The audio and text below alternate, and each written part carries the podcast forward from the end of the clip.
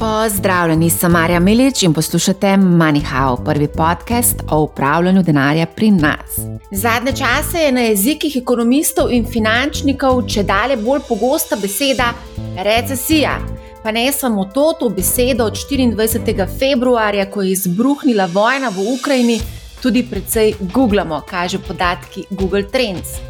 Strah pred recesijo se je ukrepil tudi zaradi obrnjene krivulje zahtevanih donosnosti ameriških državnih obveznic oziroma tako imenovane inverted yield curve.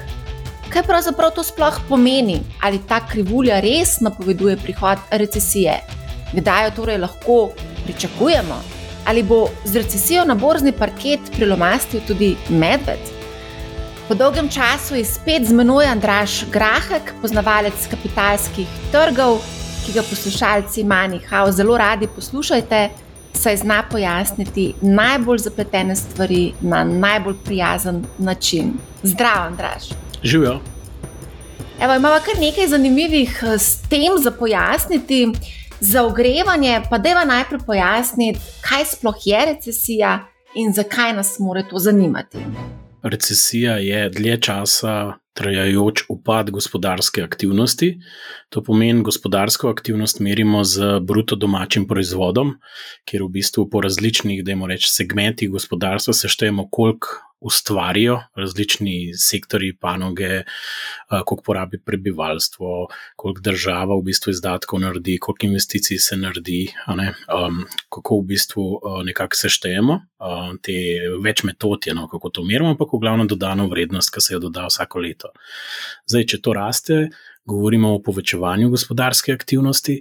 Če pa v bistvu ta obseg pada, govorimo pa o krčenju oziroma recesiji. Zdaj, tehnično gledano, to je tudi izraz, kdaj govorimo uradno o recesiji, ko nekako dve zaporedni četrtletji ta aktivnost upada. To, to je neka minimum za recesijo, seveda lahko pa to traja tudi dlje ne? in potem se to lahko tudi poglablja in čez zelo dolg čas traja in cene padajo, pa že počasi pridemo v depresijo.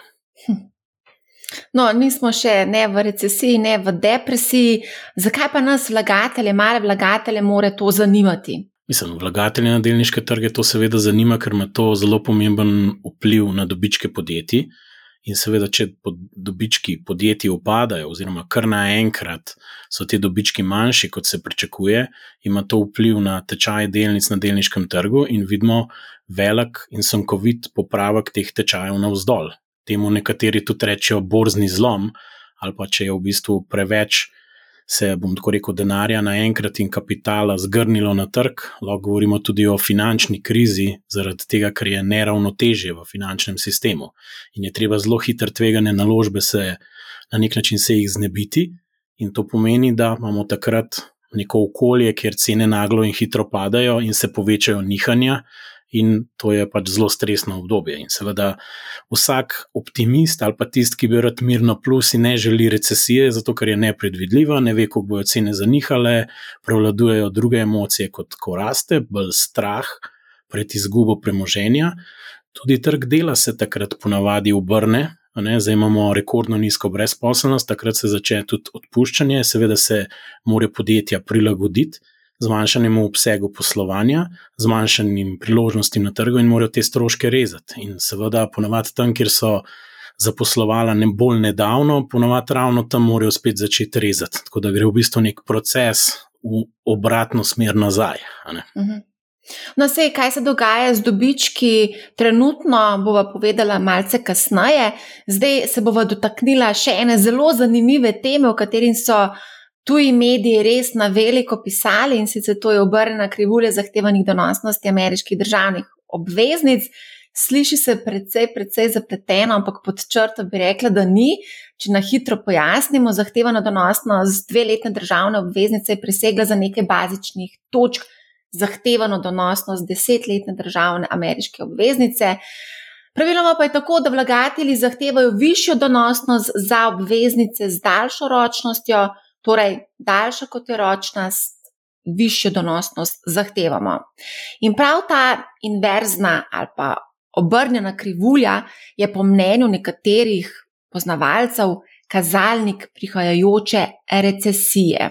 No, v glavnem, kar se tiče obrnjene krivulje, lahko še povemo, da se je od leta 1900 pojavila 28 krat, 22 krat je potem sledila tudi recesija, se je v povprečju pojavila 22 mesecev po pojavu obrnjene krivulje.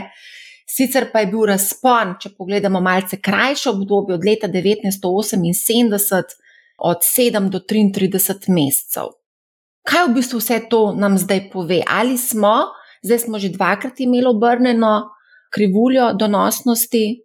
Kaj bo zdaj, ali kaj? Ja, kaj, v bistvu, kaj lahko zdaj pričakujemo? Slišali smo, da lahko se zgodi recesija po sedmih mesecih ali pa po 33 mesecih, v povprečju po 22 mesecih.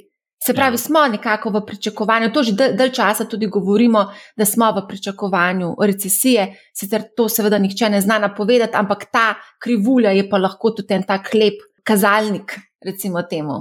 V bistvu tako, če gledamo nazaj, je bilo tako, kot si ti povedala. Ne? Ko se je zgodila ta situacija, da so bili na trgu državnih obveznic, zdaj konkretno govorimo o ameriških državnih obveznicah, dolgoročne obrestne mere, To pomeni dolgoročno, pomeni nekakšne ročnosti tam deset let, tam okrog teh, te dobe se giblje ta dolgoročnost, ko govorimo o tem, a, nižje kot pa nekakšne srednje in kratkoročne obrestne mere, in tukaj se ponovadi nekako gleda dve letne, je to pomenilo, da je neka anomalija.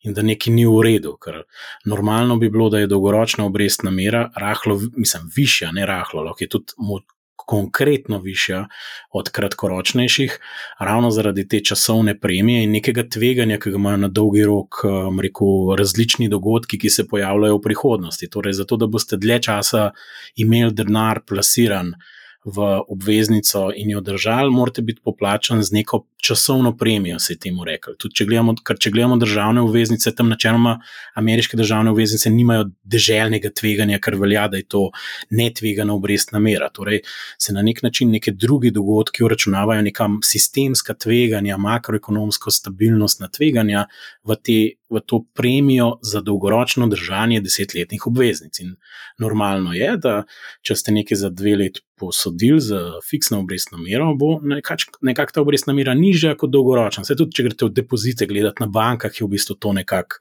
pravilo. Ne?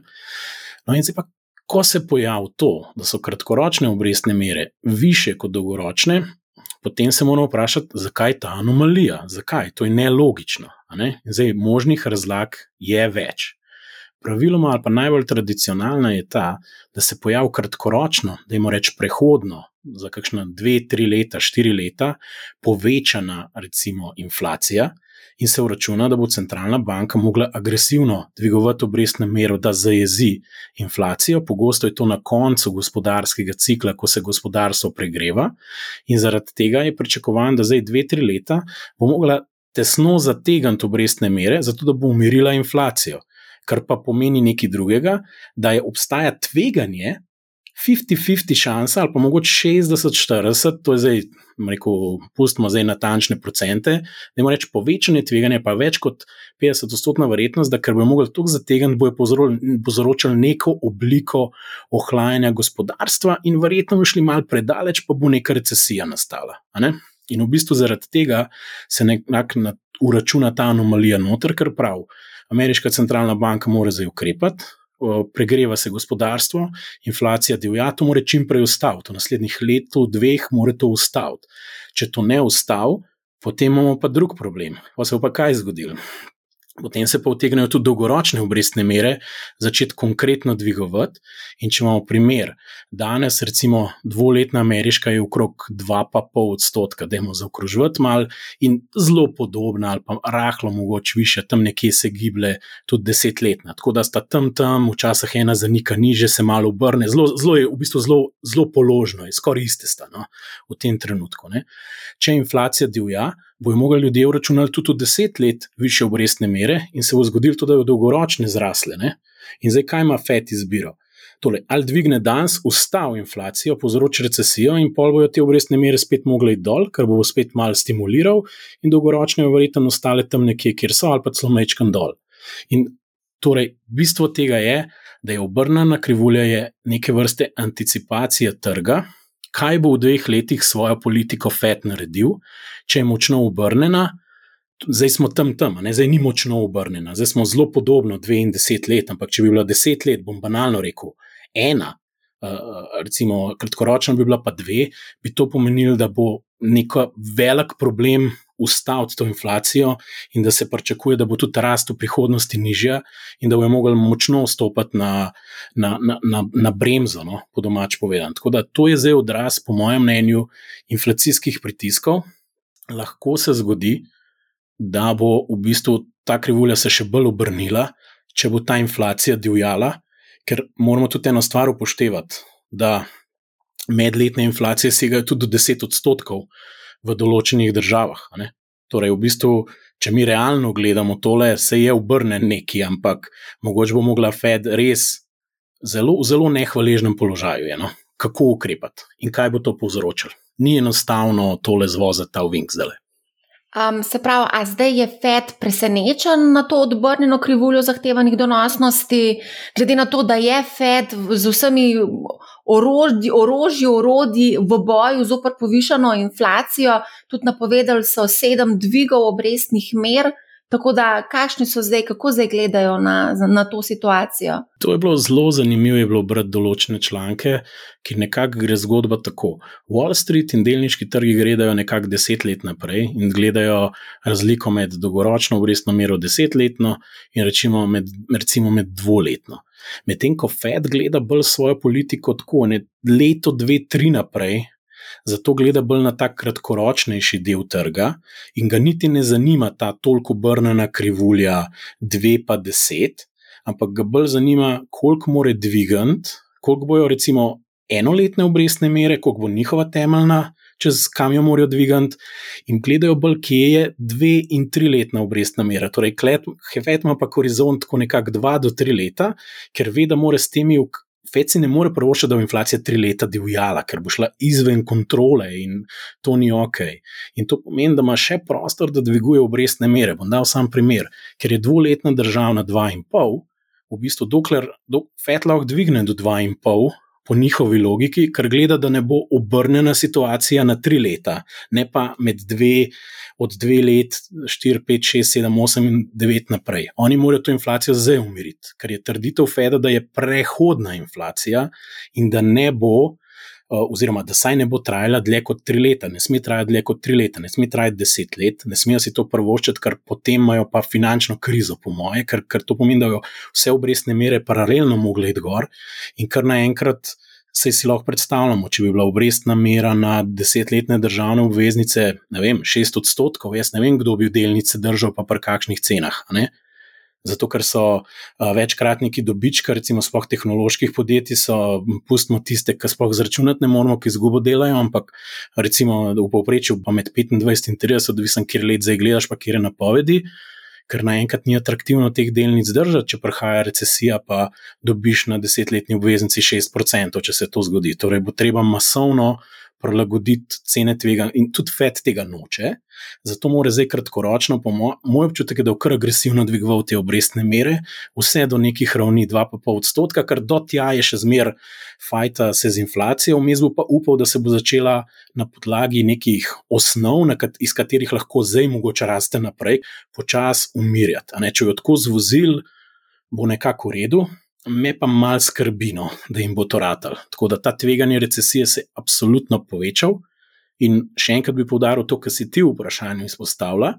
To je bilo pa, koliko časa traja, ko se pojavi situacija anomalije. To pomeni, da so kratkoročne obrestne mere praktično enake ali više od dolgoročnih, da se recesija formalno zabeleži, da jo statistiki izmerijo, da jim o tem tako rečemo. In včasih traja tudi, kot si ti navedla, vem, 30 mesecev, lahko traja, da bomo formalno jo imeli šele čez leto, dve, je pa res, da bo delniški trg prej uračunavan noter. Če se v to nadaljeval, bo delniški trg v bistvu, bom rekel, že v naslednjih 6 do 12 mesecih začel z nekim prilagajanjem cen. Ne? Tako da zdaj smo na nekem križišču. Ne? In uh, ni, ni enostaven za vojno, za centralno banko. Zdaj si govoril o inflaciji, zagotovo je, da povišanje inflacije pripomogla tudi cene zemljskega plina in pa nafte, energentov. ko smo gledali na Bloomberg terminalu, te cene so poskočile vse tja od 30 do 60 odstotkov, tudi cene kovin so neverjetno poskočile, nikal, aluminij, železo, ruda, bakar. Vse to se je okrepilo za preko 30 odstotkov, življenje se v bistvu kar precej draži. Tudi predsednik Amerike Biden zdaj poskuša ublažiti rast cene goriva, tudi tako, da bo v prihodnih šestih mesecih na dan sprostil milijon sodčkov nafte kar je v bistvu relativno malo, saj američani v bistvu na dan porabijo skoraj 20 milijonov sočkov nafte na dan. Po drugi strani pa zanimivo tudi to, ko govorimo o dražjih, um, o dražjih cenah uh, nikla, aluminija, železove rude, bakra, vse to se uporablja tudi v gradni in marsikater gradbinec ali pa investitor se bo verjetno znašel v kakšni finančni stiski. Konec koncev, denar je sicer še vedno relativno poceni, a vprašanje, koliko časa še bo tako. Absolutno. V bistvu trenutno dve ključni, bom tako rekel, spremenljivki, ki gresta v kalkulacijo pri gradni, se dražita. Gradnja je kapitalno intenzivna dejavnost, ker se vlaga in v bistvu je treba kupiti surovine, in če se ti te podražijo, se ti budžet podraži, to je prva stvar. Potem je pa še pomembno, ker se financira levji delež vseh razvojnih projektov z dolžniškim financiranjem in tam je seveda neka obrestna mera. In seveda, dlje časa traja od, da jim rečem, začetka projekta, ko si začel nekako nek denar trošiti, da jim tako rečem, do trenutka, ko si prodal ali pa unovčil ne, objekt, ki si ga zgradil ali pa gradno, dlje časa je, bolj si občutljiv na obrestne mere in tudi večji je delež dolga, bolj si občutljiv. In zdaj v tem trenutku se dvigujejo in obrestne mere, in materiali se dvigujejo. In v bistvu tvoja edina rešitev je, ker praviloma so tudi marže razmeroma nizke, torej razlika v ceni vsem sploh pri večjih projektih, kjer so ti izvajalci, ki rekel, je ogromen projekt, ampak so marže niže, ne govorimo o nekih dvojčkih, ki jih temelji neki gradi, pa take stvari, ne, tam zdaj bog si ga vedi, za koliko je zemljo dobil. Ampak pri teh stvarih se začnejo pojavljati težave in se vidimo že v medijih in javnosti poročanja, da se tukaj v bistvu mogoče že dogovorjene cene prihajajo do ponovnih pogajanj po celi verigi, torej začne se pritisk pri dobaviteljih. In dobaviteljev je tudi samo omejeno število, recimo za ne, kovine, jeklo, konstrukcijsko jeklo, pač karkoli pač se že nek aluminij ali pa kar se ugrajuje noter. In v bistvu tam se začne pritisk, in potem so škarje, pritiskajo te dobavitelji, na drugi strani pa tvoja stranka tudi reče: ja, pa siguren imaš neki zaloge, ne, ne, bolj, ne bom zdaj jaz, ker nekako vse ugradil noter. Tako da to je zelo, zelo, zelo, zelo, zelo, zelo v bistvu kočljiva situacija lahko. Zdaj, mogoče edino manj moči za pogajanje imajo mogoče manjši kupci, če je prebivalstvo, pa jih je več, ker v tistih primerih že vidimo, kako se zdaj cene projektov, recimo stanovanskih, tudi v Ljubljani, že kar tako preskok se dela. Sem slišal, tudi že kar za tisoč evrov se cene, so se ceniki, ne vem, povišali v, v roku 12 mesecev. Glede, kaj je en šel, pa se je projekt začel graditi, pa je kupil, ne vem, za ceno. Zdaj bom karikiral, ker ne, nisem niti natančna številka.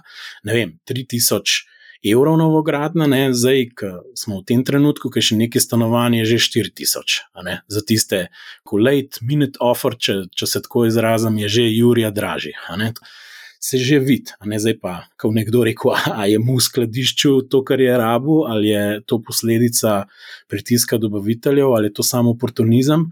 To je pa, pa zmerno specifično, to ve pa samo tisti, ki je dejansko udeležen. Mi v zunanji lahko bolj špekuliramo, samo mislim, da v, v širši nekih kajsih je tukaj res enormen pritisk na cene surovin in materijalov uh, za gradnjo, in tudi obrestne mere banke že nakazujejo, da bi verjetno kaj dražje, kaj više lahko bile.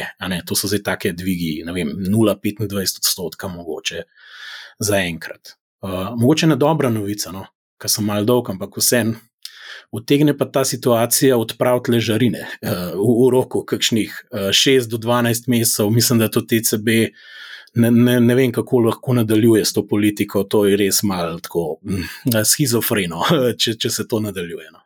Misliš, da bojo res odpravljene ležarine enkrat, ko uvedeš eno tako, tako provizijo, recimo temu tako, ne, si zelo naklonjen temu, da tudi to ostane še naprej. Mogoče ne bo imenovana negativna obrestna mera oziroma ležarina, mogoče jo bojo preimenovali v nekaj drugega. No, mislim, seveda, inovativnosti nima, ja, kar se tiče tukaj v finančnih storitvah, to se s tabo čisto strinjam. Tako da lahko da bo hip, hip, hip, strašni trik, ne po, po tako, kot pravijo naši sosedi na jugu, isto sranje, drugo pakovanje, samo bo pač mal nekaj drugega, temu bomo rekli. Ampak načeloma jaz računam na to, da tista negativna obrestna mera, ki jo je nekako ECB tako intelektualno uvedel, da bo računal bankam, kar ker naj benda ne, ne bi posojati želele. Ne, da, pač mislim, da to v tem inflacijskem okolju res malo noro, da ti miriš inflacijo, pa še spodbujaš banke, da čim več posojajo. Mislim, to je mal, ne vem, mislim, to sploh ne vem, kako lahko zracionaliziraš. Uh, Bi rad slišal to no, v DCB, v resnici. No. Ja, se, mislim, da bo tudi v sred maja gospa Kristin Lagarde, gostja na dogodku Banke Slovenije, tako da jo bomo zagotovo tudi uh, to vprašali, kako gleda na povišeno inflacijo, na negativne obrestne mere, kdaj se bodo začele obrestne mere tudi v Evropi dvigovati. Nekako, nekako špekulirajo, da ne bi do konca leta se vse inflacija umirila, medtem pa inflacija kar lepo raste, ne tudi v Evropi. Absolutno. Uh, A greva mogoče, zdaj, zdaj smo res veliko govorili o inflaciji, ne smemo spregledati geopolitična trenja, pa tudi konec koncev napovedi centralnih bank za ustrovanje monetarne politike. Vse to se mi zdi, da nekako, pa tudi ta grožnja recesije, vnaša, vse to vnaša nemir med vlagatelji. Kaj bi lahko rekli, da je v tem hipu tista grožnja za nadaljno rast delniških tečajev. Eno grožnjo smo že povedali, to je pritisk na stroške, in to seveda pomeni, da če ne morete tega prevaliti naprej, bo, bojo pač dobički podjetij v seštevku nižji po mojem mnenju, ker lahko sprožijo spiralo, tako tudi pri stroških dela, pri zaposlovanju. In se večkrat smo že v tej tako domnevni spirali govorili, tudi recimo pred novim letom, pa z Egonom za krajškom, ne okrog monetarne politike. In trik je ravno to, to ne smeš pustiti, da se nadaljuje, ker če to pustiš, pa, pa res greš lahko v spiralo. In zdaj, kje, kje so ranljivi delniški trgi, da nam preveč makroekonomski? Trenutno smo v točki, kjer imamo najvišje profitne marže v zadnjih 30 letih na ameriškem trgu. Podjetja so plačevala ali pa zaklenila noter rekordno nizke obrestne mere, to je A, plus B, okolje ekonomsko je bilo tako stimulirano. In zdaj, kje je to tveganje? To tveganje je tudi to, da v končni fazi tudi trg dela ni bil tako močan, da bi plače dohajale rast prihodkov in dobičkov. In zdaj, kje smo pa zdaj? Imamo pa več pritiskov v bistvu na podjetja. Na eni strani, tako na trgu dela, ker že nastajajo oska grla, mislim, pustimo zdaj v agregatu, ampak to kaže, rekordno nizke brezposelnosti imamo. Zdaj ne vem, če bo se rast nadaljevala pol je skoraj ne mogoče, ali se bomo robotizirali, ali bomo pa ne vem, uvažali delovno silo v razvite gospodarstva. Recimo. Ampak v vsakem primeru pač to vpliva ne? na nek način na nek trg dela in pritisk je bolj na višanje cene stroška dela, kot nižanje. Kljub sporedno z višjim obrestnim meram, sporedno z višjim osnovam za neke stroške poslovanja. Ja, Vem, jaz mislim, da tudi v končni fazi, bom tako rekel, danska inflacija, tako gre tudi realna kupna moč ljudi pada. Tako da jaz mislim, da visoke cene, večkrat smo se to malo hecali, ampak mislim, da je bil Howard Marks vedno to poudarjal. Ne vem, od koga se je to sposodil, ampak najboljše zdravilo za visoke cene so visoke cene, ker začnejo uničevati popraševanje in na eni točki ljudje enostavno ne morejo več. Ta špaga ne gre, ali pa ni ta gumica, ni raztegljiva v neskončnost, enkrat počne. Zdaj pa, klej, samo vprašanje bo počela, ker bo res raznesel in centralna banka naprej ustavila. To je črn scenarij, ki bo vodil v kasnejšo depresijo in deflacijo, po mojem mnenju, ali pa bo centralna banka rekla: Stop.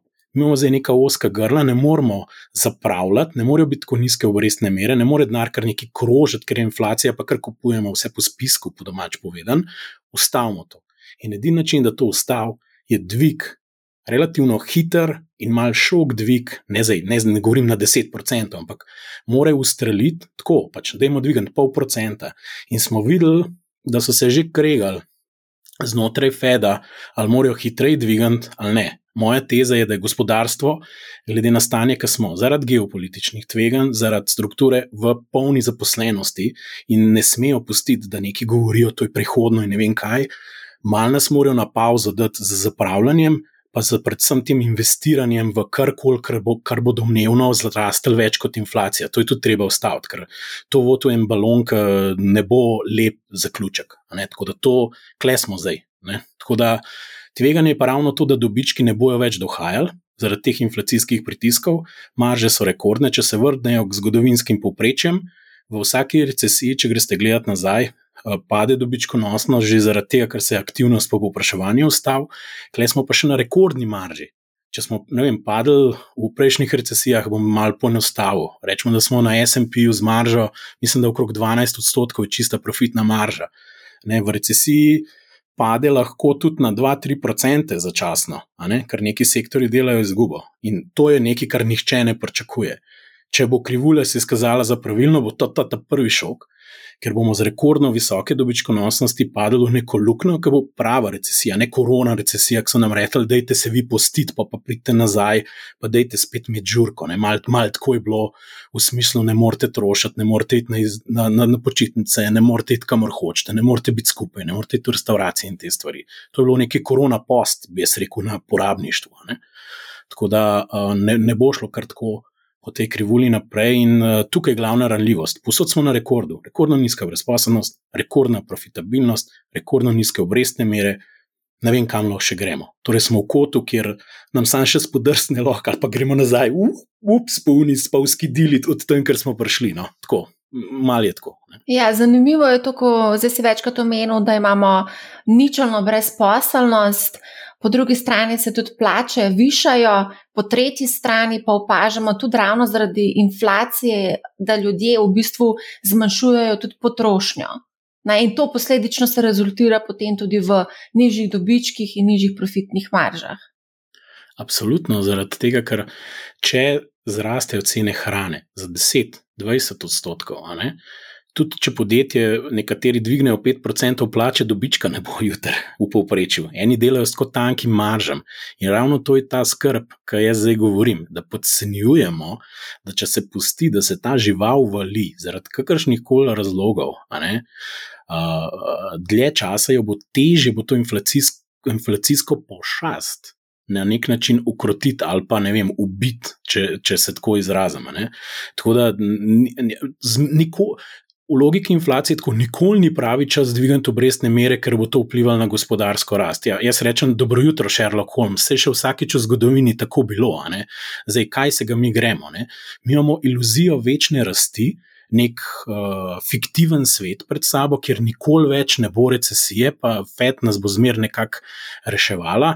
Ampak jaz pravim, ne, vemo, da se to ne izide. Ne vem, zdaj, če, če nam to ni jasno, bomo rekel, v, v, v celi zgodovini, ki jih gledamo nazaj, kapitalizma, so pač prišle recesije. In ko je prišla recesija, so dobički padli za polovico, ene dve let, pa so pa rabili. Recimo en let, dve še za tem, da so prišli na isto raven, pa smo šli pa naprej. Za dolgoročnega investitorja na koncu je bilo bolj to vprašanje, v redu, grem za ene tri leta in knjige brati, pa bož, da ne gredem, pa sem šel preko često. Tisti, ki so pa hoteli ravno takrat računati, da čez en let prodali, pa ne vem, si kupili sansko hišo na morju, ja, tisti so pa pač bolj pristali na timesharingu, da se mal pohecamo. Tveganje je zmer. Odvisen od investitorja, koliko je občutljiv, če zaniha, ker ima nek likvidnostni dogodek in rab, rab denar. Ne. Ja, mogoče bi tukaj, zdaj veliko govorimo o recesiji, o potencialnem prihodu, prilomastanju medveda na borzni parket. Ne? In zelo veliko sporočil dobivam od mladih investitorjev, ki so v bistvu na začetku svoje eh, poti, v smislu strah me je, ne upam si začeti investirati na borzo. Tega zadnje čase res zelo, zelo veliko takšnih sporočil prejemam. Ampak vseeno, kaj, kaj lahko v bistvu svetujemo takšnim mladim investitorjem, ki se podajo na to pot, ker jaz sem prepričana, da en tak mlad človek, ki bo investiral svoj denar na borzo, bo zagotovo večkrat pogledal na borzne tečajnice in ko bo borzne tečajnice upadle, ko bo imel ustvarjal, ne vem, eh, deset odstotni upad oziroma ustvarjal deset odstotno izgubo nerealizirano, se marsikdo na tisti točki ustraši in reče, jaz se tega ne grem. Ne? to smo že tudi večkrat povedali, ne? tako da samo sam ponovil tukaj. V poznem ciklu je treba bolj paziti pri vstopu noter, sploh če imamo nek znesek že zdaj na strani, ki je mečken večji, glede na naše dohodke. Če pa razmišljamo, da bi začeli, da bi, ne vem, 10% nam ostaja 100 evrov, 200 evrov in. Ti si morate pa sam načrt narediti. Če imate vi desetletni načrt, da boste vsak mesec ali pa vsako četrtletje par sto evrov noter dal, a ne sej vi s prvim uplačilom šele, ne vem, eno 240, če je to 20 let, eno 120, če je to 10 let, pa ne govorimo o mesecih, recimo, noter. Iskreno povedano, ne, znam tako malo nonšalantno rekel, pa kaj zdaj važno, na medved pride dve, tri leta. V bistvu je fino, da pride, zato ker boste itak takrat vi, vaša povprečna cena, rečemo, če bo v prvi polovici desetih let, pet let medved, boste vi teh pet let na nek način nabirali te jagode, da se tako izrazim, za popustom v gozdu. Pojo pa drugi prišli, pa jih bojo dražji kupovali. Tako da težava nastane to, če bi vi vrčevali zdaj 20 let in ste na koncu cikla.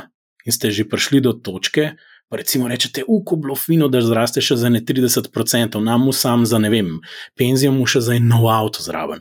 E, takrat se pa zgodijo ponovadi največje problemi, ker re, greš predaleč, ker si dosegel cilj, rečeš, bom še mal, pa še mal, pa še mal. Takrat so problemi. Če si pa na začetku, pa sam pogumno, uh, bi pa eno stvar priporočil. Res se zelo, ko smo v poznem ciklu, uh, bom tako rekel, tisti, ki niste noter pa ne raziskujete, kako se vrednotijo posamezne delnice in niste pripravljeni žrtvovati denarja, da ga boste izgubili, da se boste učili, da se tako izrazim. Držite se indeksnih skladov, držite se kvalitetnih blue chipov, ker to je v bistvu najboljši recept, ker ta del trga, ta kvaliteta bo najboljš performala skozi čase krize medveda. Ne, ne neke eksotike iskati, ne, ne špekulirati, po mojem mnenju, ni to zdravo za nekoga, ki začenja. To bo prišlo skozi čas, ni pa sploh potrebno, iskreno povedano. Zato, da, zato, da borza, borza ni mišljena v osnovi, osnovna strategija ni tako, kot eni pravijo, kockanje, špekuliranje ali karkoli pač drugega. Osnovna strategija je pač, da spoplačam za neko tveganje in da med najbolj kvalitetna podjetja, ki denarni tok ustvarjajo, razprši svoje prihranke. To je to. To je primerno za vsakogar.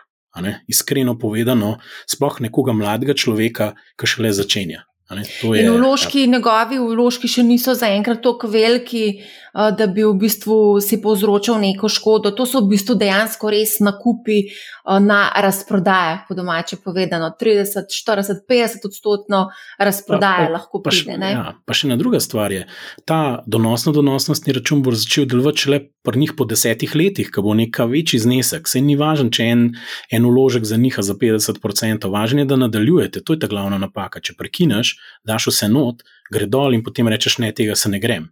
Glih point je to, šlo bo dol in to se greš. Ti se greš, ti hodiš skozi temno noč, skozi temni gost, da se pol zresni in prideš na jasno in rečeš: Wow, splačval se je, verjel sem v pot in sem šel. In to, to je bistvo. Če se pa tam zgubiš, ustaviš, pa zbegaš, pa, pa res greš lahko še globje v gost, pa bog si ga vedi, kje, kje je škončal. To, to je bistvo. Moš imeti načrt, se ga držati, pa kvalitetnih naložb se držati. Bom tako rekel, to, to, bom zdaj eno, eno primerjavo dal. Ne? Če bi slovenska država kupila indeksni ETF z vsemi investicijami, ki jih je v državna podjetja naredila, bila Slovenija ena najbogatejših držav, po mojem, v srednji Evropi. Pa, pa ne bi bilo treba nobenega, bom tako rekel, hude filozofije upravljanja nekih podjetij, pa management, ker enostavno je ta donos bil v tem rangu, ne vem, 10 do 12 odstotkov zadnjih eh, deset let. Pa ni bilo treba biti nič pameten, samo v najboljše firme na svetu ste vložili. To je to. Ja, se je slovenska država tudi uložila v najboljše slovenske firme, če pogledamo z tega vidika. To, to, zdaj, ne vem, mač, nimamo, indeksa slovenskega, nimamo indeksa slovenskega državnega premoženja. Jaz sem pripričan, da uh, pač profesionalci na SDH-ju vejo, koliko je tukaj nastalo, ampak vem pa, kakšen bi bil učinek, če bi, ne vem, banalno se del tega mogoče razpršil. Tudi, uh, Tako da vem, da bi bil učinek, da bi bila Slovenija ena bogatejših malih držav, relativno glede seveda na velikost premoženja. Ne? Jaz mislim, da bo marsikateri minister se mogoče malce mogel finančno opismeniti, zato da bo lahko razumel, kaj pomeni investiranje na kapitalske trge oziroma na borzo. Mislim, da do zdaj so imela bolj slabe izkušnje, kar se tega tiče. Mislim, da večina niti ni najbolj razumela teh osnov. No, a greva naprej. Marsi kdo zdaj malo tudi špekulira, ne? pogleda te lepe donosnosti, zlasti teh energetskih delnic, ne? in si misli, mogoče bi pa je zdaj tukaj investiral. Smo pa prej povedali, da so šle gor tudi 30 odstotkov in mogoče še celo kaj več. Tukaj je mogoče na mestu seveda opozorilo, da pretekle donosnosti niso garancije za prihodne, ampak ne moremo si kaj pohlep, tudi včasih nas prevzame. In ja, kaj si misliš, recimo, o teh uh, energetski panogi, o investiranju v energetski sektor, recimo zdaj? Ja, zdaj smo pa na aktivnem investiranju, pa tudi malo špekuliranju. Ja. Jaz mislim, da je ta trend uh, že v večji meri zamujen. To je, to je moja, moj občutek. Uh, nisem šel v globino študirati, ampak ne, polk je enkrat nafta zrasla že krat dva, ne vem, je zdaj čas, ali smo moč priznati, da sorry, bi mogel to razmišljati en let nazaj.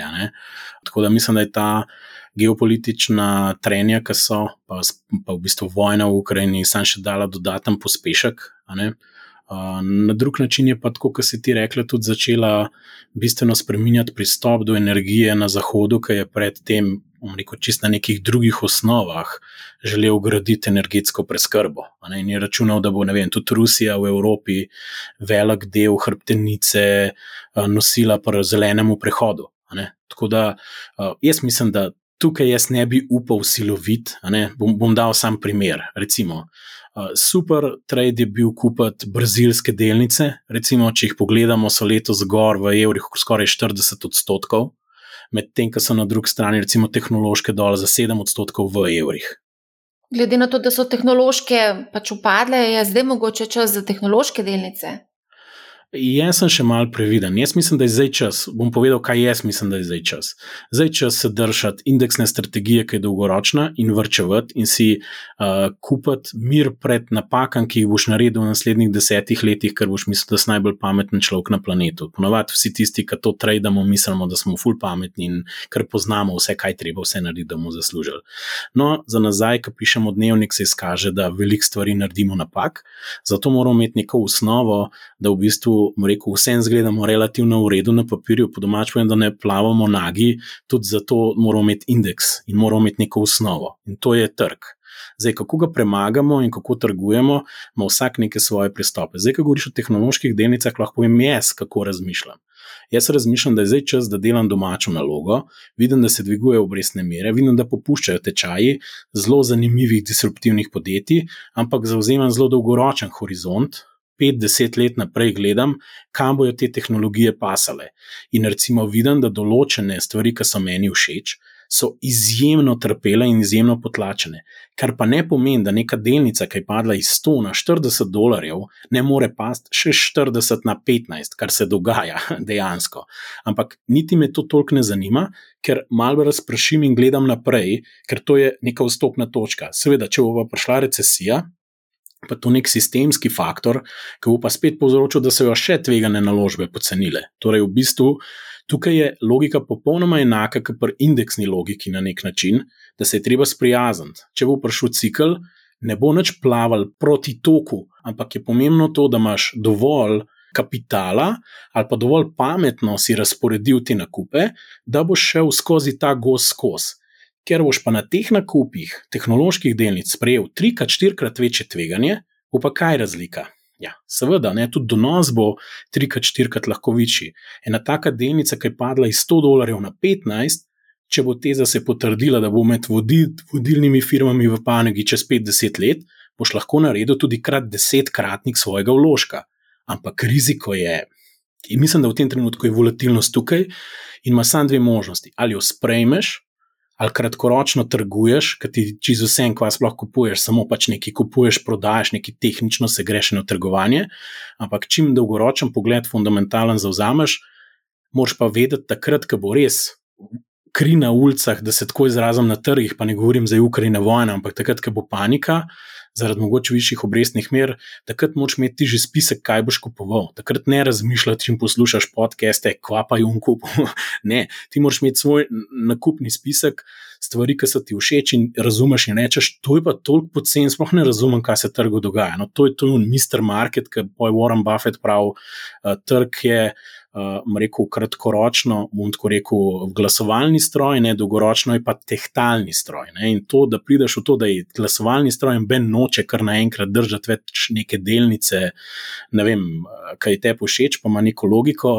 Pa ima mogoče neko infrastrukturo, ki za prihodnost je pomembna, IT-ovsko, recimo, meni se take stvari zdijo fulj zanimive. Neke tehnološke delnice, ki bodo del infrastrukture prihodnosti, če te pridejo dol, so ene izjemno zanimive, lahko. No po mojem mnenju, ker internet ne bo zginil, pretoki podatkov se ne bojo zmanjševali. Eh, bolj bi bil pa zaskrbljen za kakšne, ne vem, e-commerce zgodbe, pa te stvari, ki se prodajajo, neke stvari zelo na nekih marketinških osnovah in se vse temelji na nekem brendu. Tam bi bil pa malo skeptičen, ker eh, tam že zdaj ni veliko dobička v teh e-commerce plejih ali pa nekih platformskih zgodbah, in tam je pa lahko bolj, bolj druga zgodba, no? na, tudi na dolgi rok. To se mi zdi. No?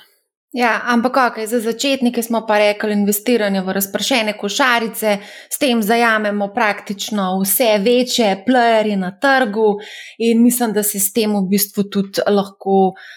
Smo nekako se rešimo tega pritiska kupovanja delnic, iskanja v, v, v tem množici poplavi teh delnic, prave delnice za uh, naš portfelj.